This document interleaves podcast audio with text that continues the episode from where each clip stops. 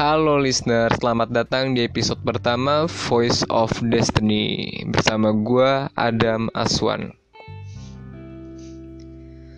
Pada episode kali ini gue bakal sharing ke teman-teman semua tentang satu momen di hidup gue yang gue rasa has changed my whole life gitu. Bener-bener ngerubah hidup gue uh, secara pribadi, pandangan gue tentang satu hal dan juga ya hampir keseluruhan hidup gue ya bisa dibilang kayak gitu. Momen yang ngajarin gue arti dari waktu yang sebenarnya arti kehilangan dan arti seorang ayah. Bokap gue adalah orang yang penuh dengan tanggung jawab gentleman banget menurut gue dan yang paling gue bisa rasain dan paling gue ingat dari bokap gue adalah dia orang yang ambisius, optimis, dan all out dalam apa pun yang dia lakuin. Dia juga all out untuk keluarganya, untuk anak-anaknya, dan untuk bisnisnya gitu.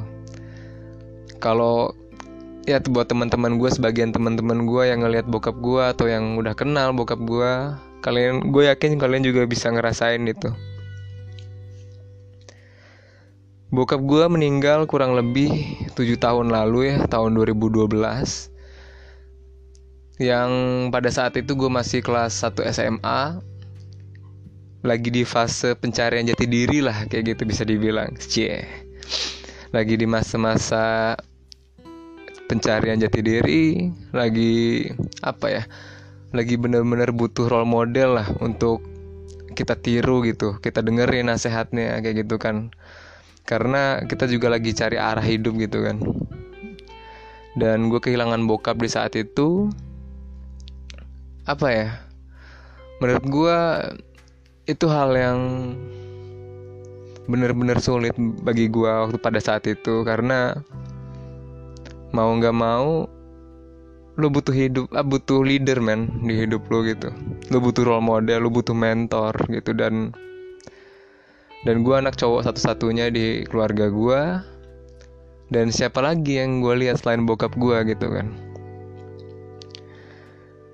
Gue inget banget hari itu hari di mana bokap gue meninggal.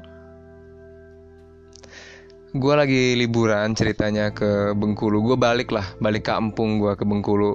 Gue dari Bengkulu by the way. Dan gue SMA di Jababeka di SMA Presiden waktu itu gue liburan karena lagi mau lebaran kan lagi bulan puasa gue liburan.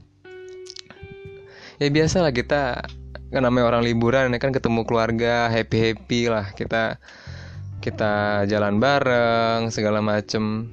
Dan waktu itu udah nih lebaran ya kan pas lebaran. Lebaran itu ya gue lihat bokap gue ya lebih emosional lah daripada sebelumnya. Dia waktu lebaran bokap gue sempet minta maaf ke nyokap gue dengan bener-bener dari hati ya gue ngeliat sampai nangis gitu bokap gue minta maaf ke gue ke keluarga yang sebenarnya nggak pernah gue lihat gitu. Nggak pernah gue lihat sebelum sebelumnya di tahun-tahun sebelumnya gue nggak pernah lihat bokap gue minta maaf sambil nangis dan udah ya kan kita ngobrol-ngobrol kita foto-foto lah kayak biasa kita makan ya lontong lah segala macem kan kita kayak selayaknya orang lebaran aja. Dan udah nih di hari lebaran kedua gua itu jalan ceritanya sama kakak sama adik gua kan sama saudara gua. Gue jalan tiba-tiba pas gue lagi main sama kakak adik gue gue ditelepon lah sama om gue gue ditelepon um, gue disuruh ke rumah sakit. Dam uh, ke rumah sakit ke rumah sakit Bayangkara kalau nggak salah gue namanya. Ke rumah sakit Bayangkara sekarang bapak sakit dia bilang gitu. Akhirnya gue panik ya kan. Gue panik. Sebenarnya waktu waktu itu gue masih panik cuma yang masih bisa kontrol lah. Cuma kakak sama adik gue udah panik banget gitu. Nah kita jalan lah kan.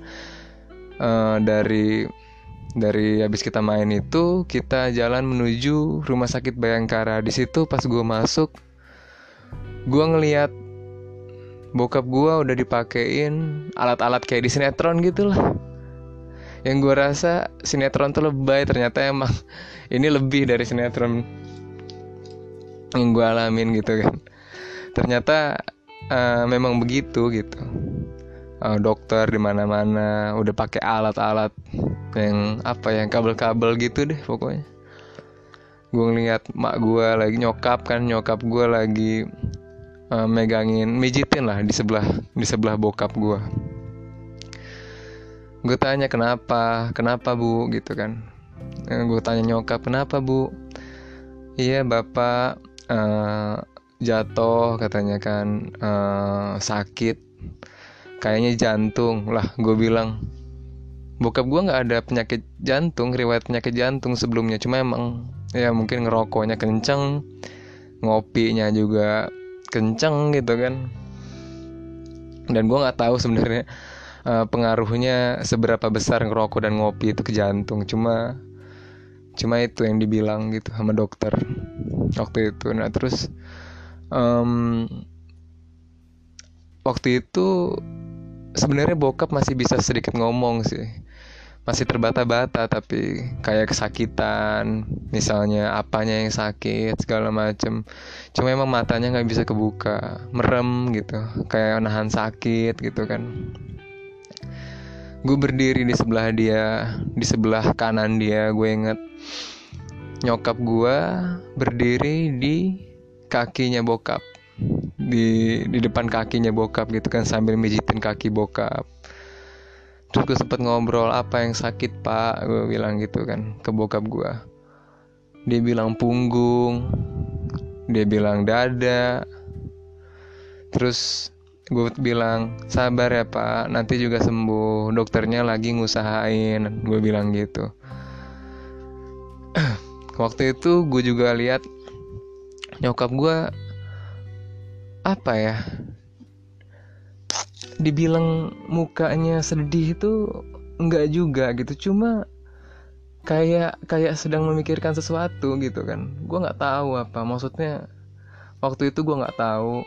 Jadi bener-bener apa ya um, nyokap gue cuma mijitin kaki bokap gue dan bilang dam kaki bapak dingin banget dia bilang gitu. Terus gue nggak ngerti kan oh iya kasih minyak angin aja bu gue bilang gitu kan ke nyokap gue terus eh, nggak uh, lama bokap gue ini kayak apa ya kayak kayak tenggorokannya tuh kayak kayak kecekek gitu loh kayak gitu.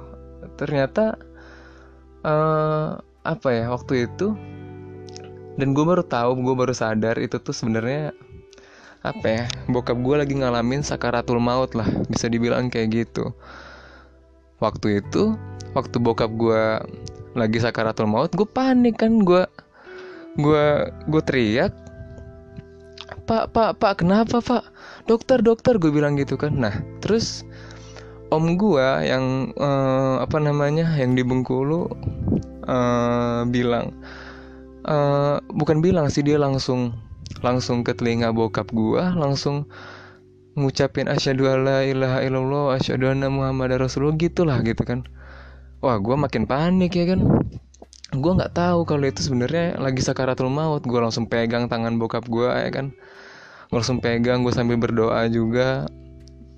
Apa ya bergetar gitu hati gua ngelihat depan gua gitu. Bener-bener momen yang apa ya yang bener-bener bikin gue shock gitu. Dan semua orang panik ya kan? Dan bener aja ternyata kayak di film-film lah. Kayak di film-film bunyi yang apa yang detak jantung alat detak jantung itu langsung tit lurus aja gitu. Terus uh, dokter pada dateng ya kan kita panik. Bokap gue dilakuin lah segala upaya entah di di apa ya namanya. Gue nggak tahu juga sih namanya diapain. Pokoknya di diupayain gimana jantungnya biar bisa detak lagi gitu kan. Terus gue nunggu di luar tuh gue nunggu di luar segala macem kan gue sama nyokap gue tetap di ruangan tapi dibatasin lah ada tirainya kayak gitu. Terus dan dokter bilang bokap gue meninggal di situ gue gue nangis ya. Gue gue nangis gue gue marah gue campur aduk perasaan gue gue marah gue kecewa gue nggak tahu perasaan apa itu gitu. Bener-bener momen yang bikin gue down. Dan gue langsung meluk bokap gue ya kan? Gue peluk bokap gue kakak gue nyokap. Terus juga di, di sekeliling gue ada keluarga gue yang lain juga ada gue ada karyawan-karyawan bokap gue gitu kan. Dan apa ya yang ini yang bener-bener uh, apa ya yang bikin gue satu momen yang bikin gue bener-bener selalu ingat lang setiap langkah gue selalu gue berusaha perbaiki gue jadi ceritanya gini pas bokap gue uh, meninggal gue gua peluk ya kan gue bilang gue teriak pak bangun pak gue bilang gitu kan. Uh, Adam janji nggak nggak Adam janji nggak bakal ngecewain bapak lagi gue bilang gitu gue bilang itu berkali-kali. Bangun pak. Adam gak bakal ngecewain bapak lagi. Gue bilang gitu terus uh, sedikit emosional ya gue um, terus um, pada momen itu uh, tante gue dengar kalau kalian kenal namanya tante Emma dan Om Darwan dia bilang mereka bilang uh, udah nah ikhlaskan lah katanya. Ingat ya janjinya sama bapak kata dia gitu. Ingatlah bawa lah ke mana pun katanya. Ingat janjinya sama bapak. Karena by the way gue gue sebenarnya uh, banyak banget ngerepotin bokap ya. Bokap sama nyokap lah. Gue banyak masalah juga di sekolah gue terutama di SMP gue bagi teman-teman gue SMP gue mungkin tahu ya. Apa namanya? Gue dua kali diskor segala macem lah gue gue sering ketahuan ngerokok sama bokap gue cuman bokap gue nggak pernah nggak pernah ngamarahin gue gitu. Uh, apa ya selalu dukung gue lah sebenarnya. Bisa dibilang gitu.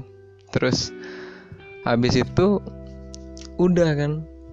Pokoknya bokap gue meninggal dibawa ke rumah duka. Wah berhari-hari dia maksudnya ya ya selayaknya orang meninggal aja gitu kan. Ada rumah duka kita berdoa segala macem.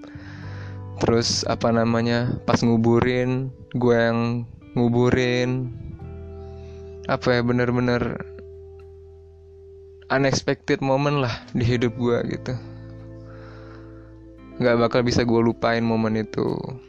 Dan kenapa itu change uh, my whole life banget gitu. Maksud gue ada beberapa hal ya yang gue rasa efeknya setelah bokap gue meninggal ini bener-bener berdampak lah ke gue pribadi ke keluarga gue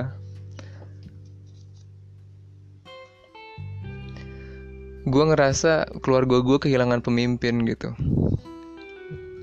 Gue kerasa kerasa banget kalau kalian pernah yang ke teman-teman yang udah ngerasain atau yang amit-amit ya yang belum ngerasain mah. Uh, karena apa ya bokap itu ya penca apa ya pencari nafkah utama lah di keluarga gue terus juga yang apa ya ibaratnya decision makernya tuh bokap gue gitu. Uh, nah kodanya dari keluarga gue jadi gue kehilangan pemimpin. Kehilangan banget gue terus juga ya ekonomi jelas itu menurun drastis lah semenjak bokap meninggal sampai sekarang pun begitu. Dan dan sebenarnya yang yang paling gue sayangkan dan mengena banget di gue itu gue kehilangan pemimpin untuk ngarahin gue gitu. Kadang apa juga ya kadang sometimes gue gue kalau misalnya waktu itu ya beberapa tahun yang lalu ya mungkin sekarang sekali sekali lah gue kadang ngerasa gue lebih suka apa ya? Dulu gue suka banget bandingin bukan bandingin ya misalnya iri juga gitu. Dan nyesel nyeselnya tuh kenapa sih waktu ada bokap gue nggak begini gitu? Kenapa sih uh, apa namanya? Gue nggak spend more time gitu sama bokap gue gue nggak diskusi tentang apa sih gue mau jadi apa gitu. Terus apa namanya? Uh, kalau ngelihat kayak misalnya teman-teman gitu kan teman-teman gue kebanyakan atau orang-orang lain mereka enak gitu. Uh, mau misalnya diskusi tentang kuliah ada bokap atau sama nyokapnya lengkap lah. Uh, terus juga uh, mereka nggak perlu mikirin tentang apa ya ibaratnya misalnya mau bisnis ya minta aja ke bokap lo gitu modalnya gitu kebanyakan gitu. But I can gitu. Dan terus gue suka sedih ngeliat uh, orang-orang misalnya apalagi yang uh, orang tua baru ya sama anak-anaknya masih kecil gitu. Uh, eh, gue suka keinget bokap gue gitu. Uh, ya itulah banyak banget gue ngalamin kehilangan gitu. Tahun-tahun yang berat tuh gue laluin gitu kan. Selama kurang lebih tujuh tahun ini bener-bener wah jatuh bangun deh. Bener-bener kehilangan satu orang aja bener-bener berdampak tuh bener-bener kehilangan semuanya gitu. Tapi apa ya sampai akhirnya gue sadar sendiri gitu. Ternyata uh, ada berkahnya juga gitu bokap gue meninggal. Tapi bukan maksud gue bukan bersyukur maksudnya apa ya lebih kelihat ke sisi positifnya gitu.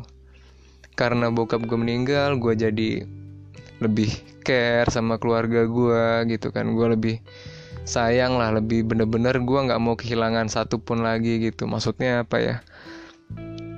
Waktu waktu masih ada bokap gue nggak pernah spend more more time nggak pernah quality time sama keluarga gue bukan nggak pernah sih jarang ya. Jarang banget. Dan pas gue bokap meninggal gue ngerasa ini gue cowok satu-satunya di keluarga gue nyokap cewek adik gue cewek kakak gue cewek. Siapa lagi gitu yang yang harus care mereka ke mereka kalau bukan gue gitu. Dan gue ngerasain itu gitu. Oh iya dengan meninggalnya bokap gue jadi harus lebih care ke keluarga gue gitu. Gue harus lebih sayang gue harus lebih lebih lebih lebih dari segala hal.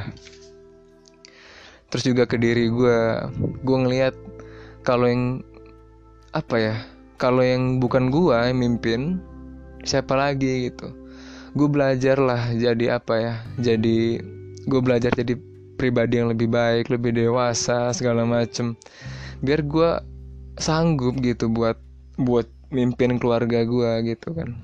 Sampai sekarang sampai sekarang gue juga masih belajar banyak banget gue belajar. Dan gue masih terus memantaskan diri gitu untuk jadi seorang pemimpin keluarga nah apa ya? Buat kalian teman-teman yang mungkin pernah ngerasain yang gue alamin juga apa ya nggak semua gue gue bisa bilang semua itu bukan terjadi ke kita gitu tapi untuk kita. Maksud gue apa ya? Gue belajar gue bela belajar menerima gitu. Ini tuh bukan terjadi bukan terjadi untuk gue tapi Allah kasih untuk gue gitu. Jadi jadi bisa lebih apa ya lebih lebih memaknai lah sesuatu lah suatu kejadian gitu suatu kejadian. Nah terus yang menurut gue ya yang yang bisa dipelajarin dari cerita gue ini pertama semua hal itu pasti ada sisi baiknya gitu. Dengan apa pun itulah masalah seberat apa pun yang lo alamin pasti ada sisi baiknya. Gue belajar dari meninggalnya bokap gue gue megang janji gue tadi pertama ke bokap gue gue nggak bakal ngecewain lagi gitu kan.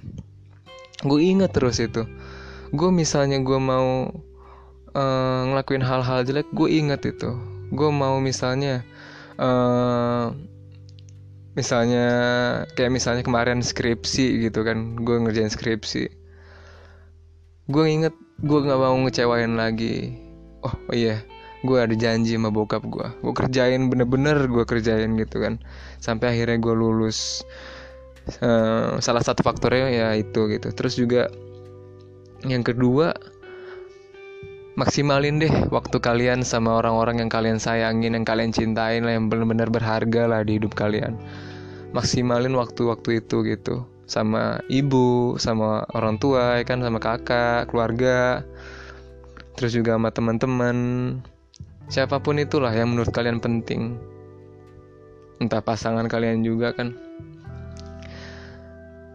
hargain waktu sama mereka gitu. Bener-bener make time gitu. Jangan cuma nyempetin waktu. Nyempetin tuh remah-remah men gitu. Misalnya ah sempetin deh ketemu 10 menit. Tuh remah-remah gitu. Bikin waktu. Gue mau ketemu uh, mak gue gue mau ketemu teman gue mau ketemu pacar gue terserah deh siapa pun orang yang kalian anggap penting. Bikin waktu bikin momen gitu. Jangan cuma nyempetin. Nyempetin tuh remah banget deh. Kalian nggak akan nggak nanti ke sekarang nggak kerasa gitu. Nanti kalau mereka udah hilang baru deh kalian nyesel gitu. Maksud gue jangan sampai kalian ngerasain apa yang gue rasain gitu. Ketemu bokap ya makan malam aja gitu kan. Atau siang. Gue nggak pernah tuh ngobrol sampai malam gitu kan sama bokap. Kalian yang masih ada orang tua atau masih ada orang yang kalian sayangin udah make time lah all out gitu. Apa yang kalian bisa bantu bantu. Bikin momen sama mereka gitu. Terus ketiga yaitu tadi semua hal itu terjadi bukan ke kita bukan terhadap kita gitu. Uh, kan kalau misalnya orang mikir kan kenapa ini terjadi ke gua? gitu. Kenapa sih ini terjadi ke gua? Ya itu lu jadi apa? Jadinya nyerah gitu. I used to. I used to. Tapi akhirnya gue mikir semua itu terjadi untuk lo gitu untuk gua untuk kita. Terjadi itu apa pun untuk kita. Kalau bokap gue nggak meninggal gitu kan gue nggak mungkin mungkin mungkin gue nggak sesayang ini sama keluarga gue gue nggak bakal si effort ini lah untuk bisa pantas mimpin keluarga gue gitu. Gue nggak bakal se segiat inilah gue untuk memperbaiki diri gue gitu. Jadi gue percaya itu tuh suatu hal itu untuk kita untuk kita pastinya dengan apa apa ya? Untuk kita jadi lebih baik pastinya. Gitu terus juga. Terus yang keempat yang gue pelajarin do it now. Artinya do it now. Jangan pernah nunda-nunda kalau apa yang lo lakuin itu apa ya berarti buat lo gitu. Misalnya yang gue maksud di sini kalau misalnya bokap minta bokap lu atau orang tua lu minta temenin ke sini yuk. Atau misalnya uh, tolongin dong ini atau dia ngajak ngobrol atau misalnya dia minta selesaiin dong skripsinya dia minta. Misalnya kamu bener ya belajarnya atau misalnya apa kek? Do it now man gitu karena misalnya kalian nunda-nunda momen nunda-nunda apa yang orang tua kalian minta gitu kita nggak tahu umur men gitu. Kayak gue misalnya dulu gue bener-bener nyesel bokap gue misalnya minta temenin ke mana temenin yuk ke uh, ke mana gitu kan ke hotel kayak karena bokap gue punya hotel bisnisnya. Ke hotel atau misalnya temenin ke jalan ke mana gue nggak mau gitu. Gue lebih milih PS gue lebih milih teman-teman gue gitu kan. Akhirnya nyesel sendiri gitu. Jadi kalau misalnya orang-orang yang lu sayang uh, minta tolong gitu kan atau minta temenin make time bikin momen sama mereka dan do it now. Jangan sampai kalian nyesel gitu. Ya mungkin itu aja sih yang bisa gue sharing ke teman-teman semua. Semoga bisa ada manfaatnya ya kan dan bikin kalian lebih menghargai lah uh, orang-orang yang ada di sekitar kalian gitu apalagi orang-orang yang kalian sayang Oke, okay, um, sampai jumpa di episode selanjutnya di Voice of Destiny. Gue yakin semua itu terjadi karena takdir. Ikutin suara takdir lo. Good night.